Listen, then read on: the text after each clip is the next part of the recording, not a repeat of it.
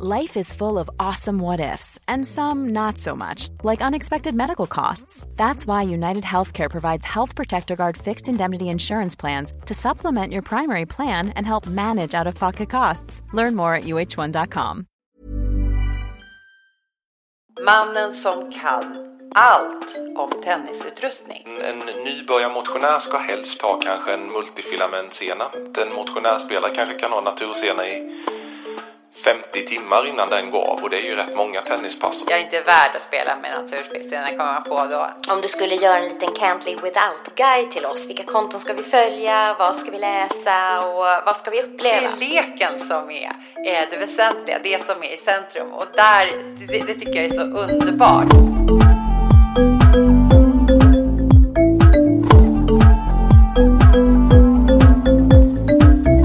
Du lyssnar på Tennisvänner, podden som servar tennisglädje och görs av och för hobbyspelare. 15 love. Please take your seats quickly, ladies and gentlemen. Thank you. Nybadad. Åh. En av sommarens varmaste dagar tror jag, i juli Ja. i alla fall. Och Eller? ett av sommarens bästa koncept. Alltså pipa iväg ett par timmar till en fin utebana. Mm. Och så spela sig varm. Och sen sänka sig ner i en någon sjö. Plumsa i plurret Att vi lever i det här. Mm. Du och jag spelade förra veckan. på Hellas. Och då fick jag den här... äh, De var med nu, underbara. Eh, efteråt när jag åkte bilen hem och gick och sög på liksom den här eftertenniskänslan så fick jag den där känslan att okej nu ska jag leka någon slags lek med mig själv. Nu ska jag styra upp eh, som en rutin liksom i mitt spel. Så att vi bollar in Mm. fem minuter och då ska jag inte tänka på någonting. Bara få bollkänsla, bara känna bollen på racket, bollen på racket, inte tänka någonting, inte placering, in- ingen spin, bara bollen på racket. Sen slut, pang, slut med det, vattentätt skott. Då börjar vi med eh, att köra upp till 11. Alltså 1, 2, 3, 4, 5, upp till 11. Utan serve, så man får upp pulsen. Och då ska jag tänka så här, okej, då upp till 5, då ska jag tänka ball bounce hit som uppgift. Bara fokus på det, ingenting annat.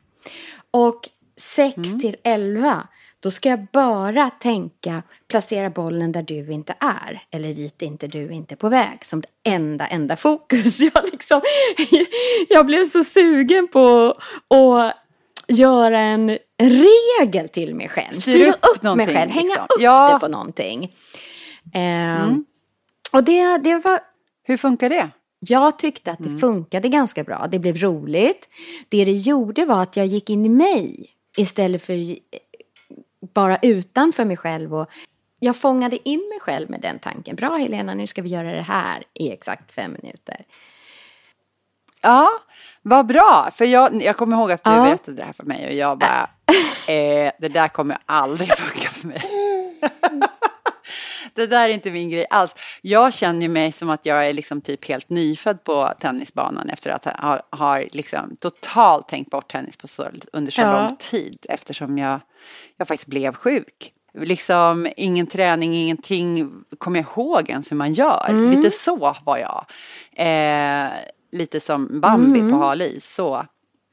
Eh, men eh, det jag liksom, det som också var bra det är ju också att, att man har ju liksom vissa later som jag egentligen inte bara följt tillbaka på. Eh, för mig så, så försöker jag att koncentrera mig på att totalt göra dig eller motståndaren anonym. Alltså det, ska bara, det, det spelar ingen roll vem jag spelar mot. Eh, jag ska bara jag ska bara fundera på var bollen kommer ifrån. Alltså inte ens eh, tänka på mitt eget slag utan bara frå- ställa frågan vart, vart, vart, slår de bollen nu? Vart kommer bollen nu? Allt för att göra mig bättre förberedd på var bollen kommer istället för att värdera mina egna slag, att hela tiden eh, betygsätta mig själv. För då blir det också så lätt att man hamnar i den här negativa känslan av att fan vad dåligt. Att vila i spelet. Exakt. Vi ska ju faktiskt eh, prata om material och eh, eh, strängar och eh, vi har faktiskt tagit en av Sveriges eh, ledande eh, materialexperter som, som finns. Henrik Wallensten, även kallad Hank, är ju faktiskt en av vår lands största racketnördar. Eh, ryktet går att han har ett helt litet eh, garage med ett racket hangout och inte minst så strängar han ju racket åt våra tennisstjärnor och eh, jag mötte ju honom på Davis Cup som faktiskt han gå av stapeln innan coronan bröt ut eh, och fick fem minuter mellan, mellan strängningarna där. Och då sa vi, men vi måste, vi måste prata vidare, det här måste vi ha, göra ett avsnitt om och nu har vi pratat. Jag lärde mig skitmycket Ulrika på det här. Ja, det gjorde vi verkligen. Det var ett väldigt roligt samtal, så låt oss lyssna på det.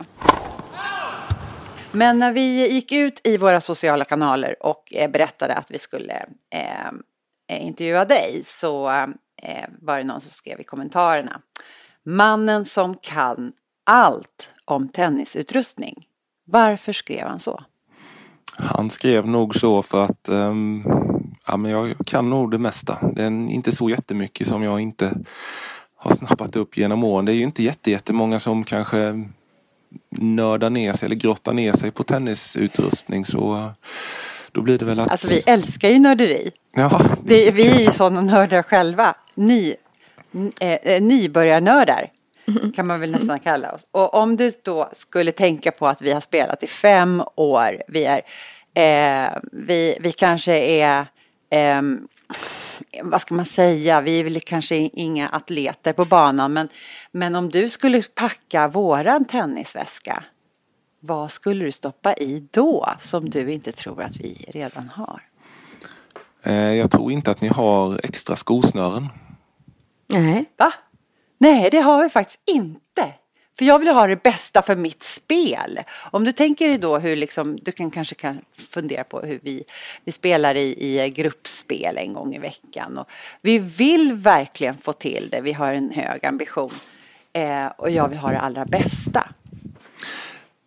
Det... Är det något jag inte ska tumma på? Liksom? Ja, alltså många kanske snålar på skor och racket. Alltså många köp tänker inte på att de måste ha bra skor. Många kanske har en innebandydoja till exempel eller någonting. Börja med att gå till en, en, en tennisbutik ehm, eller en riktigt bra skobutik men helst en tennisbutik och kolla vilka skor som passar dig. Få någon som är med när ni provar ut dem. Ehm, tänk på att det ska vara en, alltså det är relativt hög påfrestning på på stötdämpningen, alltså det kräver bra stötdämpning i en sko. Så börja med mm. att ha en riktigt bra tennissko. Och det, det är inte alla det liksom, visst man kan beställa online men eh, få en, en utprövning av en sko och köp den i en butik. Det är nog min första rekommendation. Sen, eh, sen när det gäller racketarna där så kan det nog vara många som de vill spela med samma rack som Roger Federer har till exempel och då blir det en alldeles för svår, svårspelad racket för sin nivå så att man ska egentligen ha en, en relativt lättspelad hjälpsam racket till en början. Eh, lite större träffyta, mm. eh, lite bredare ram eller lite mer kraftfullt då så man får lite mer hjälp. Eh, det blir liksom mer lättspelat. Mm. Är det så enkelt alltså att det syns med blotta ögat att själva rackethuvudet är större? Ja, man räknar ju oftast i square, square inches. En tävlingsracket brukar ligga på mellan 93 till 97 square inches, alltså kvadrattum. Um, och mm. en, en motionärsracket brukar ligga över 100 kvadrattum. Uh, och många spelar ju då kanske med en mindre, alltså en för liten träffyta. Även om det är jätteliten skillnad så gör det väldigt stor skillnad i känslan. De här som är lite större är oftast lite styvare. Du får oftast lite mer hjälp. Träffar du långt ut på racketen så får du mer Alltså du, du märker inte att det blir en felträff på samma sätt som du har i en mindre träffyta. Men om vi skulle ha en liten grundskola, nu, nu, nu, nu kör vi grundkurs 1A i ögonen är som tennisbollar, vi vill veta allt som går att veta Eh, och går att förstå framför allt. För det är liksom det vi har läst, vi har gått in på YouTube tutorials och Eh, och sett folk prata om blytyngder på racketar och vi har läst om senor som är gjorda av natur eller polyester. Alltså hur, nu, nu, får, nu får du tänka liksom som om jag vore fem. Eh, det här behöver motionsspelaren veta om eh, hur man strängar racket för det är ju uppenbarligen jättestor, det kan ju göra jättestor skillnad vad vi har förstått. Om man, om man börjar med eh, materialet om man säger då. Första, första lektionen, det finns ju olika, olika typer av material för tennissträngar. Eh, mm. Det som var populärast förr i tiden det var ju naturscener. Det fanns inget annat än naturscener. Och det görs ju på alltså tarmar från kor eller kreatur. Det kan även göras av får. Eh, låter mm. lustigt och det är en väldigt komplicerad process. Men en naturscena gör, det är den absolut. Det är liksom det Rolls Royce av eh, racketscenor. Den, är, mm. den ger bäst känsla, den ger bäst komfort, den ger bäst fart på bollen men den är också extremt mycket dyrare. Den kostar tre gånger mer än en vanlig tennisscena så att säga. Um, hade folk haft Alltså hade den inte kostat så enormt mycket som den ändå gör så hade folk spelat med den i betydligt större utsträckning för den är väldigt, väldigt komplett. Den är, många av proffsspelarna har den till exempel. De kan inte ha den som en helsträng utan de har den antingen på längden eller bredden för att den går av lite snabbare. Men okay. den är liksom den är bäst. Den är, den är, har, man, har man ekonomin till det så rekommenderar jag att man kanske då testar en naturscena i alla fall. Sen, sen finns det sak, scener som försöker efterlikna naturscener och det heter syntetiska scener. Ehm, och då finns det i två olika kategorier. Ehm, en är, heter multifilament som är tusentals mikrofiber som är sammanspunna. Just för att efterlikna naturscenen. Eh, också väldigt mjuka och sköna och de kanske är 50% av naturkänslan eh, natur, i en naturscena. Eh, håller oftast väldigt kort tid för en avancerad spelare men för en motionär så kan det vara ett fullgott alternativ så att säga. Särskilt om man har lite problem med armen. Naturscenen är ju det mest skonsamma, sen är det multifilamentscenerna. Är det därför som tennisproffsen byter rack nästan efter bara några gem? Ja, den, liksom det handlar egentligen mer om trycket på scenen så det blir en, en senare del i skolan. Eh, ja, det är väldigt sällan ja, de slår ja, av strängarna. Ja. Eh, sen den sista i syntetiska scener är någonting som kallas för synthetic gut. Det var ju den som de började med att komma fram med på ja, 70-talet. Då är det en, en relativt tjock nylonkärna som det spins lite mindre fiber av. Håller lite bättre, ger lite mer allround egenskaper. Eh, också relativt billigt material. Det är oftast de scenerna som är de billigare då. Eh, det är mer mm. om man ja, helt enkelt inte bryr sig. Du vill bara ha någonting, en scena. Oftast så sitter de scenerna i, när du köper ett rack från, från en lagerhylla så att säga, så brukar det oftast vara en synthetic gut-scena som sitter i. Mm. Eh, sen kommer man till det som slog igenom när Gustavo Kürten vann French Open 1997. Eh, det som kallas för polyesterscener eller co-polyscener. Det är alltså egentligen en, en plastscena eh, den slog igenom i Tyskland i början av 90-talet. Att de helt enkelt gjorde från industrin så hade de polyesterscener som där de binde ihop ställningar och lite sånt här. Så gjorde de det i en tunnare dimension. Eh, testade att stränga tennisrack med och de strängarna går ju i princip inte. En motionärspelare slår inte av en sån sena. Eh, de, de, vi kan ha dem i flera år. Problemet är att de tappar i tryck efter ett tag och elasticitet och då måste du klippa upp dem. Men hållbarheten så håller de otroligt bra. Och de ger också överlägset bäst kontroll. Så att du, du, kan alltså slå, slå igenom, slå mycket hårdare, du kan ta i hur hårt du vill och bollen flyger helt enkelt inte utan den, den håller sig i banan och den ger spinn på grund av att scenerna mm. glider mot varandra så det liksom blir att bollen fastnar i scenerna och så snäppar de tillbaka så att det blir rotation på bollen. Mm. Eh, så den är egentligen den scenen som ja, 99 procent av alla proffsspelare och väldigt duktiga motionärer spelar med. Alltså någon form av polyesterscena eller co-poly. Mm. Och de absolut bästa spelarna som har obegränsad ekonomi de spelar med en hybrid. Alltså med en naturscena på antingen längden eller bredden och en sån här polyscena då på den andra längden eller bredden.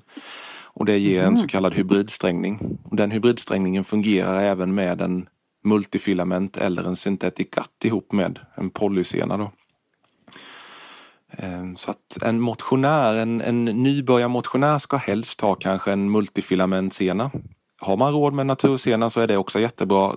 För man slår inte av den på samma sätt. En motionärspelare kanske kan ha natursena i 50 timmar innan den går av och det är ju rätt många tennispass och slår man ut det på en 50 timmar så blir det inte särskilt många kronor per timme som den naturscenen kostar. Så att jag råder verkligen alla som spelar och känner att de vill ha det absolut bästa. Testa en natursträngning en gång. Det är, det är en väldigt trevlig upplevelse. Särskilt om man har lite tendens till larm. Ja, det måste vi göra. Vad jätteroligt. Vi har ju också hört att man liksom strängar olika hårt. Alltså att, eh, det är väl kilo som man som man tänker där mellan 15 och 30 kilo. Jag förstår ju inte alls vad man menar med, med dels det lingot och, vad, och, och, och också vad det har, har för spelet. För betydelse för, för spelet. Du har när du säger hårdheten, alltså trycket på senan så kan man egentligen tänka sig, tänk att ni har en, en vikt en, säg en 20 kilos hantel som du binder senan i. Eh, om du skulle ha racket fastsatt i en maskin och så sätter du senan i en 20 kilos vikt. Där, mm. och liksom så låser du senan, då motsvarar det att det är 20 kilos dragvikt på senan. Mm. och man mäter det antingen i pounds eller i kilo då. Och mm. eh, en, en, de flesta rackettillverkarna rekommenderar det beror helt givetvis på vilken modell och material och allting sånt. Men de brukar ligga mellan 21 till 26-27 kilo som tryck. Förr i tiden när man hade kraftfulla racketar då behövde du jättehårt för ju hårdare du strängar desto mer kontroll får du. Desto lösare du strängar ja, okay. desto mer komfort men dessutom fart får du. Det blir lite mer slangbälle-effekt så att säga. Mm. Eh, så vi, känner du att en dag till exempel som ja, nu på Davis Cup då så kände en av spelarna att när, de, när det kommer in folk i hallen, när det blir varmt, då flyger det lite mer och då går man upp kanske ett kilo för att man tycker att oj, vad det flyger, så då tar man lite hårdare och då får du lite mer kontroll på bollen.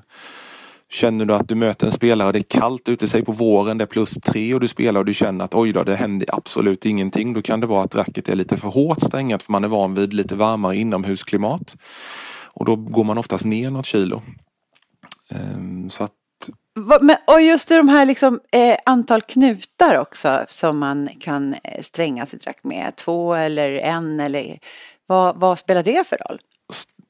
Stämmer. Du kan alltid, du måste som minst i ett rack så måste du ha två knutar. Um, det är absolut Aha. minimum. Ehm, många spelare vill ha fyra knutar. De knyter ehm, de längds, alltså, längdsgående scenerna knyter man för sig och sen så fäster du de breddgående i ena längdsgående scenen och sen drar man hela racket och så knyter man den när man är klar så att säga. Inte någon, det spelar egentligen inte någon gigantiskt stor roll om man har två eller fyra knutar om du har samma scener utan det är mer ja, vad rekommendationen är från tillverkaren så att säga.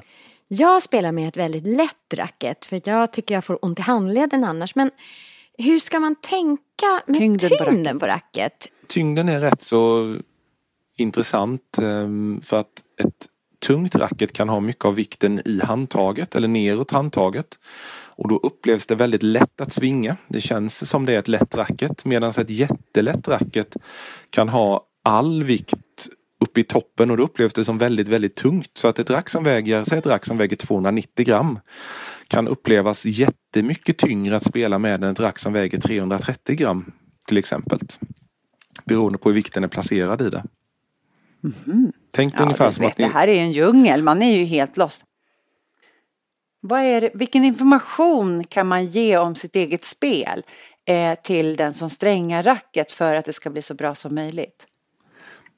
Jag brukar ofta säga att försök att ha så mjukt som möjligt. Gå hellre upp i tryck än att eh, stränga för hårt och behöva gå ner. Uh, börja med uh, testa att stränga riktigt löst en gång. Testa att stränga 20 kilo. Se hur ditt spel reagerar på det. Funkar det så är det mm. jättebra. många säger bara slentrian, jag ska ha 26 kilo så känns det som en planka att spela med. Så ja. börja med att stränga så mjukt som möjligt. Testa gärna naturscener. Unna er det någon gång. Det är, liksom, det är värt de pengarna. Ehm, ja, men då gärna veta innan ni testar naturscener. Testa gärna då vilket tryck ni ska ha för det är rätt dumt att chansa när det kostar kanske 600-700 att stränga om. Ever catch yourself eating the same flavorless dinner three days in a row? Dreaming of something better? Well, HelloFresh is your guilt-free dream come true, baby. It's me, Gigi Palmer. Let's wake up those taste buds with hot, juicy pecan-crusted chicken or garlic butter shrimp scampi. Mm. Hello Fresh. Stop dreaming of all the delicious possibilities and dig in at HelloFresh.com. Let's get this dinner party started. Millions of people have lost weight with personalized plans from Noom, like Evan, who can't stand salads and still lost 50 pounds. Salads, generally, for most people, are the easy button, right? For me, that wasn't an option. I never really was a salad guy. That's just not who I am. But Noom worked for me. Get your personalized plan today at Noom.com. Real Noom user compensated to provide their story. In four weeks, the typical Noom user can expect to lose one to two pounds per week. Individual results may vary. Henrik, du strängar ju racket åt proffsen på Davis Cup till exempel. Skiljer sig recepten som du får när du, när du ska stränga mot olika eh, spelare i en tävling? Nej. Eh, skiljer de sig åt mycket eller är det ganska lika? Det är relativt lika. Alltså de, det kan vara det beror på vilken spelstil du har. En som slår väldigt flackt och hårt, han vill ju ha oftast lite hårdare och en som spelar lite mer ballongtennis vill ju oftast ha lite mjukare för att få lite mer spinn och fart. Mm. De lösaste, den personen som strängade absolut lösast, ehm, eller som strängade lösast, det var mm, en italienare som heter Filippo Volandri. Han kunde ha 9 kilo på sina racketar. Det är ju alltså lösare än ett badmintonracket och det är nästan att maskinerna inte kan dra så löst. Det blir, en, det blir verkligen en hov. Det känns som att strängen har gått sönder. Mm, och de som strängar hårdast var till exempel Tommy Haas, en tysk som har slutat nu. Han strängade jättehårt, över 30 kilo. Thomas Moster strängade upp mot 40 kilos tryck, vilket är, det känns Oj. som att spela med en stekpanna i princip. Mm. Och idag, men nu... Ja, nu idag så är det väldigt få spelare som har över 30 kilo. Det är en enstaka. Utan de flesta ligger mellan, man kan säga att de ligger mellan 22 till 25 25-26 kilo kan man säga. Det är vad snittet är på, um, på en spelare idag. Um, damspelarna har oftast lite kraftfullare racketar och har något hårdare tryck. För de vill ha lite mer kontroll. De spelar oftast lite flackare. Um, så att på mm. damtouren är det något hårdare och herrspelarna har något lösare tryck. Har du busträngat någon gång? Eh, om det kommer in en eh, proffsspelare med ett recept, säg Mikael Ymer till exempel. Eh, men eh, du, du tänker att du kan nog förändra det här receptet lite grann så alltså. kommer han spela bättre. Har du, har du gjort, har du busrängat någon gång? Mm, nej, de är, spelarna känner det. De är så pass, ehm, de, de känner det. De är, det är deras skalpell, alltså spelarnas skalpell. De, de är extremt noggranna och känner skillnad på i princip halvkilo. Alltså vi har ju sett borrfilmen där han går runt med sin, går på sina, eh, på sina rack i eh, det här hotellrummet och känner. Han strängade enormt hårt. Han, oftast så strängade han precis vad, mm, alltså det, han hade ju träracketar med naturscener och de strängade den så att det var absoluta bristningsgränsen. Det var ju ofta att hans racketar gick sönder, alltså rent imploderade typ. Alltså racketen gick sönder rent fysiskt. Oj. Och scenerna gick av väldigt ofta i och med att det var naturscener utan samma hållbarhet som det är idag. Så att han strängade verkligen på gränsen hela tiden. Det var så hårt som det bara gick. Är det det som är pre-stretch? Nej, pre-stretch är um, en, en sena, till exempel en natursena, de är väldigt elastiska och drar du ut den och låser den så kan det bli att den tappar rätt snabbt i trycket. Om man har mm. pre-stretch så drar maskinen ut den då, att till exempel om du har 24 kilo och har 10% pre-stretch då drar maskinen den till 26, vad blir det, 26,2 kilo, 26,4 kilo eller någonting sånt. Alltså den drar 10% mer och sen åker den tillbaka till 24 kilo. Alltså då... jag ser det här som en mangelstretch, Helena. Du, du står i tvättstugan och så, så hänger ja, du lite extra precis. i lakanet. Det är faktiskt, det är faktiskt det är faktiskt många som gör så. Vissa som inte har kanske en pre-stretch funktion på sin strängmaskin, de drar faktiskt manuellt. Då sätter de fast senan i någon ställning eller någonting och drar sig, ja, använder handkraft helt enkelt för att känna att senan dras ut lite. Det är faktiskt vissa som gör så. Det handlar om att få, det handlar om att få ut stretchen, alltså få ut den första elasticiteten i senan. Senan blir lite mer död kan man säga. Den blir lite stummare när man har gjort en pre-stretch. Jag har ju hört att de här eh, världsstjärnorna, eh, de är ju sponsrade utav olika eh, företag. Och eh, jag vet att till exempel, jag tror i alla fall, nu får du rätta mig om jag har fel, men jag tror att Nadal till exempel, han spelar med Babolat. Eh, är det inte Federer så spelar han med Wilson. Eh, ja, och så vidare. Eh, jag har hört att, att det förekommer sprayningar av rack. Alltså att företaget vill att man ska spela med deras nyaste lansering eller fräsch, eh, nyheter medan eh, de här proffsspelarna vill ha sina rack. Alltså sprayar de racken så de ser ut som nyheter, liksom då som den nya racket. Men eh, det är egentligen ett klassiskt gammalt rack som, som proffsen redan har spelat med i flera år. Vad säger du om det? Alltså de, så är det. De har ju blivit, många företag har ju blivit stämda i USA eh, för att de har angett då att eh, person A använder detta racket och sen är det något helt annat. Så de har ju gått ut med nu att nu nu skriver de inte längre i sin marknadsföring att eh, racket A används av spelare B utan att eh, racket A Nej. sponsras av spelare B. Ehm, de, de har, grejen är den att de racketarna som proffsspelarna spelar med, om, om jag som hyfsat duktig motionär spelar med ett sånt racket så blir det pannkaka för de är så pass svårspelade, de är så krävande. De är för tunga, du får ont i handleden. De är liksom, du kan inte spela med dem som en vanlig motionär. Alltså kan, du kan ju slå över Nej. bollen över nät men det blir liksom inte bra. De är oftast alldeles för tunga och har för mycket vikt i toppen så det blir för hög så kallad svingvikt. Alltså de upplevs mycket tyngre än vad de är. Och ehm, oftast så har alla, alla spelare har olika specifikationer. De, de får oftast en, en väldigt, väldigt lätt ram som är det kan vara samma gjutform som den racketen du har som du köper i en affär. Eh, Men de skickar dem till en, olika företag som lägger i silikon inne i handtaget. De lägger in blyvikter under plasten. Eh, De byter till lädergrepp och de ändrar vikt och balans för att det ska passa den enskilda spelaren. Eh, Så att egentligen alla spelare har olika, alltså även på högre motionsnivå har olika specifikationer mot vad du köper i butik. Bara att där kanske man köper ett butiksracket som du själv fixar till men alla spelare har en eget recept på sitt eget rack så att säga. De, det, det är inte ett enda racket som är samma så att säga mot bland spelarna. Om man vill bli inspirerad då? Jag tänker att eh, alla följer dig och du följer säkert eh, några också. Men om man eh, säger om du skulle göra en liten Can't live without-guide till oss här. Vilka, vilka konton ska vi följa? Vad ska vi läsa? Och vad ska vi uppleva? Inom tennisen. Har du något favorit-Instagram-konto du vill tipsa om? Ja absolut. Eh, det finns en, en svensk kille som heter Jonas Eriksson som bor på Malta. Han har eh, Instagram-kontot Tennisnerd.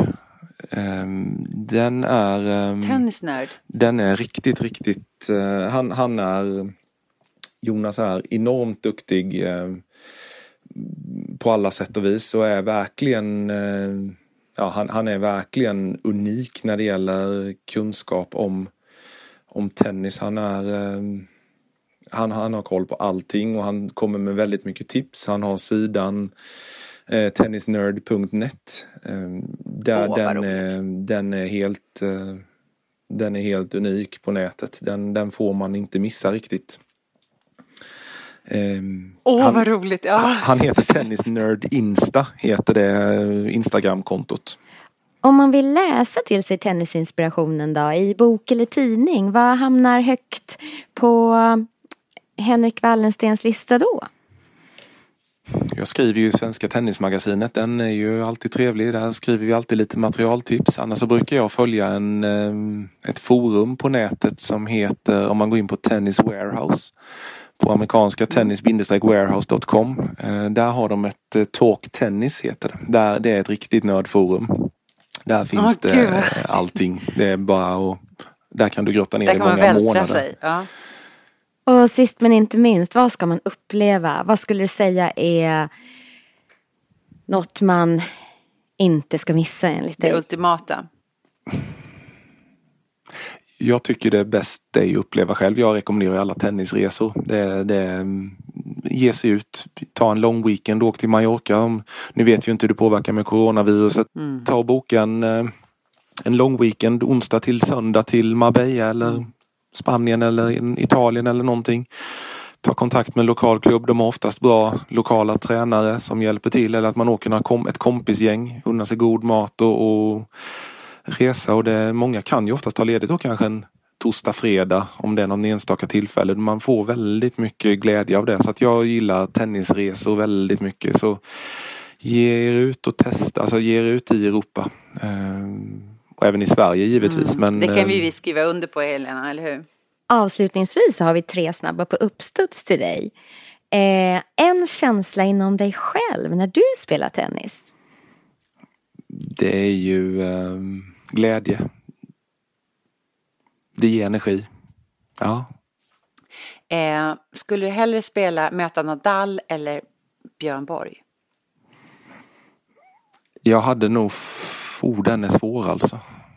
Björn Borg är ju en legend. Men jag hade nog, eh, ja. tyvärr så får jag nog för svensk del säga att jag hade nog helst mött Nadal. Det hade varit väldigt kul att testa på hans toppspin och se lite hur, hur det är att stå på andra sidan. Hans bomber som slår ner liksom. Det, nej, det får bli Nadal han, på den. Han, ja, alltså jag skulle nog vara så, jag skulle nog vara så jävla nervös. Så att jag hade nog bara tackat och, och gått tror jag. Men vem är, vem är det som spelar då? Är du gnetare eller är du en bollbödel? Ja, jag är nog inte känd för att vara jättegnet utan jag försöker nog um, Jag spelar 1, 2, 3 tennis oftast. Jag har inte tålamod, jag har haft tålamodet till att hålla i bollen men när jag spelar själv så försöker jag avgöra så fort som möjligt. Och sista uppstudsen. Hur kan hobbyspelaren enligt dig eh, kunna njuta mer av sin tennis? Eh, se det inte som någon press att man måste, för man har hela livet, man kan spela tennis tills man är hundra liksom. Så att se det inte som någon press att man måste prestera. Utan se det som en eh, Se det bara som en glädje. Eh, bara njut. Försök slå tillbaka så många bollar som möjligt. Man utvecklas hela tiden. Eh, släpp pressen och bara ha kul. Det är det viktigaste. Åh, oh, vad bra sagt. Tack snälla Henrik Wallensten för full on tennisinspiration som du har levererat i det här samtalet. Ja, så otroligt matiga tips.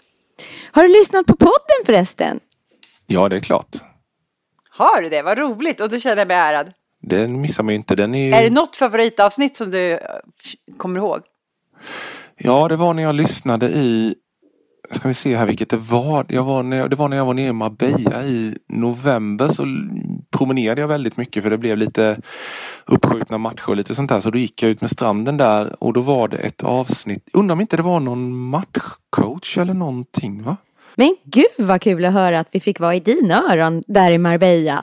Tusen, tusen, tusen tack. Har det så härligt nu fortsatt idag Henrik. Tack ja, detsamma. Hej då. Tack för att jag fick vara med. Hej.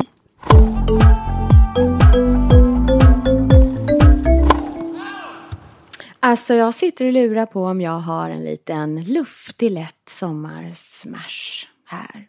Dagens smash.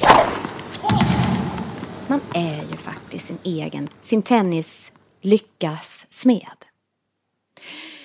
Och eh, vi bestämde oss eh, att faktiskt inte åka till Gotland i sommar. Och jag brukar ju spela så mycket tennis på sommaren. Det är en av mina lyckopiller på ja. Gotland på sommaren. Att jag är i mitt lilla tenniscommunity där. Ja, så jag tog mig en funderare och sa ja, antingen så blir det en sommar med inte lika mycket tennis. Eller så, så får man bli sin egen tennis lyckas med. Mm. Och jag valde nummer två. Så jag gjorde lite så här, så jag gjorde ett papper med en fin rubrik, Mina tennisvänner. Oh. Och så listade jag alla namn jag kunde komma på. Mm. Typ, drog sms till folk jag kanske inte har pratat med på flera år. pratat med väldigt, väldigt länge. Ah, väldigt, var, väldigt ja. länge. Och bara, hej, här kommer ett sms från mig. lite crazy. Men jag vill bara säga att jag, du och jag spelade ju tennis några gånger för ja, men fyra år sedan typ. Mm. Liksom. Eh, och jag kommer vara hemma i sommar och jag är jättesugen på att spela. Eh, så tveka inte att höra av dig om du lust att spela. Gud vad kul. Till slut hade jag en lista på, ja kanske tio pers som gladeligen spelar. Ja, Så jag smashar in, var inte blyg, stå inte som en panelhöna längs med väggen utan bjud upp till tennissommardans. Eh, jag har ju också en rolig, eh, ett roligt inspel på en rolig turnering som eh, min mans eh, tenniskompisar har gjort. En kille som tog initiativet Ja. och eh, istället för att liksom, eh, ja, hålla på och jaga kompisar så tänkte jag, nej men nu styr jag upp en, en turnering eh, under en månads tid. Eh, han bjöd in till, eh, han bjöd in åtta stycken som han visste skulle vara hemma och han gjorde, han slängde ihop en hemsida som är jätterolig i formen utav en sport. Eh, blaska. Ja, den heter La Gazzetta dello Sport. och jag tittar på det nu. Där han har presenterat alla Ja. spelare som kommer från många olika länder ursprungligen. Så att det har blivit lite roligt i, bara, bara liksom att det är flera länder som möts. Eh, eh, jättekul. Plus matchreferat. Han har, gått och, han har tittat på alla matcher och eh, refererar matcherna. Eh, Man kan som spelare tippa 20 spänn. Ja. Eh, så kan man tippa på matcherna eh, och se hur det, liksom, hur det går och vinna en summa pengar då om man får, får alla rätt. Eh, jätte, jätte, jätteroligt. Bara det tycker jag är så himla kul. Hur många är de totalt? De är 13 säger jag. 13 killar ah, är Okej, det. ja, ja. Men det här är så jävla roligt. Det roliga är också att han gjort bilderna, porträtten på... Ja. eh, Han har tagit bilder. Ja, men man har fått skicka in tror jag. Han har gjort ja. alla svartvita och så har han gjort dem som så här fängelse... Fängelseporträtt. eh, mugshots. Ja. ja, just det. Som ser livsfarliga ut alla grabbar. Ja, det är i alla fall glädje runt tennisen. Det är, det är, det är total nörderi och det, det Älskar det här, det här är skitkul. Just den Det här är lek. lek. Ja, det är Ja. leken som är, är det väsentliga, det som är i centrum. Och där, det, det tycker jag är så underbart att vi eh, trots liksom alla, eh, allt ansvar som hänger på våra axlar så, så tar vi oss tiden och leker när tillfälle och möjlighet ges. Och det är, Ja. så, det är så underbart, man blir aldrig gammal då. 15.30. Jag ska stränga om mitt racket nu till eh, naturscener. Det är helt klart. Ja, och det roliga är Helena att jag, när jag strängade om mitt racket eh, nu nyligen, det är ju redan omsträngat, eh, så har jag tydligen spelat med naturscena. Ja, Innan. Utan att ja, jag visste ja, om det. Utan att få koll. Ja, Ja, vet man, ja, är ja, helt- ja. Nej, ja. men det är ju helt... Ja, det är inte, jag, är inte värd, jag är inte värd att spela med naturscena kommer jag på då. För, när jag inte ens har, har vett att uppskatta det. Man liksom är lite clueless. Ja, skoja inte. Ja, men... Eh, apropå natur eh, här hemma så eh, men jag har lite, min mascara har blivit lite torr. Mm. Liksom. Så var jag, liksom, man är lite snygg, man är lite brunbränd. Jag, vill jag liksom ha lite svarta härliga ögonfransar nu. Så att, eh, det råder bot på det där. Jag blandar i lite olivolja och vevar runt. nej men Helena. Perfekt! Perfekt! Ja, det är bra, jättefina svarta. Också nu när jag hade varit och spelat tennis med olivolja och mascaran. Att det bad idea. Det rann av direkt. Tyckte folk tittade lite konstigt på mig faktiskt. Tittar mycket, men jag tänkte jag är väl, jag är snygg helt enkelt. men nej, när jag kom hem, då låg, det såg ut som jag hade haft någon gråtfest. Då har ju olivoljan, all mascaran låg ner på kinderna. Apropå utrustning, ha riktiga grejer. Kör inte olivolja. Nej. Kör inte racket, eh, strängar som, som är Som håller på brister. som håller på brista. Visst gör det ont när strängar brister. Mm. Varför skulle annars serven vänta? Faktiskt. Nej, men då tar vi och bokar en bana nu då. Ja. Och så packar vi ner kaffe och baddräkt. Ja, Så ses det vi. gör vi. Och glöm inte, du hittar alla våra drygt 50 avsnitt där poddar finns. Sök Tennisvänner. Du kan också lyssna direkt från vår webb, tennisvänner.se. Där hittar du också Tenniskalendern.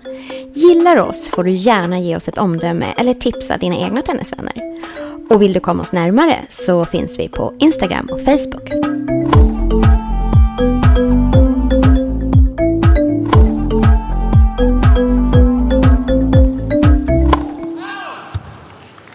Fifteen thirty.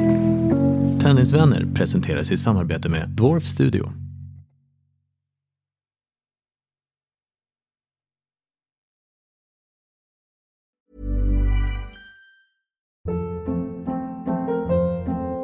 Hold up. What was that? Boring. No flavor. That was as bad as those leftovers you ate all week. Kiki Palmer here, and it's time to say hello to something fresh and guilt-free. Hello Fresh. Jazz up dinner with pecan-crusted chicken or garlic butter shrimp scampi. Now that's music to my mouth. Hello Fresh. Let's get this dinner party started. Discover all the delicious possibilities at hellofresh.com.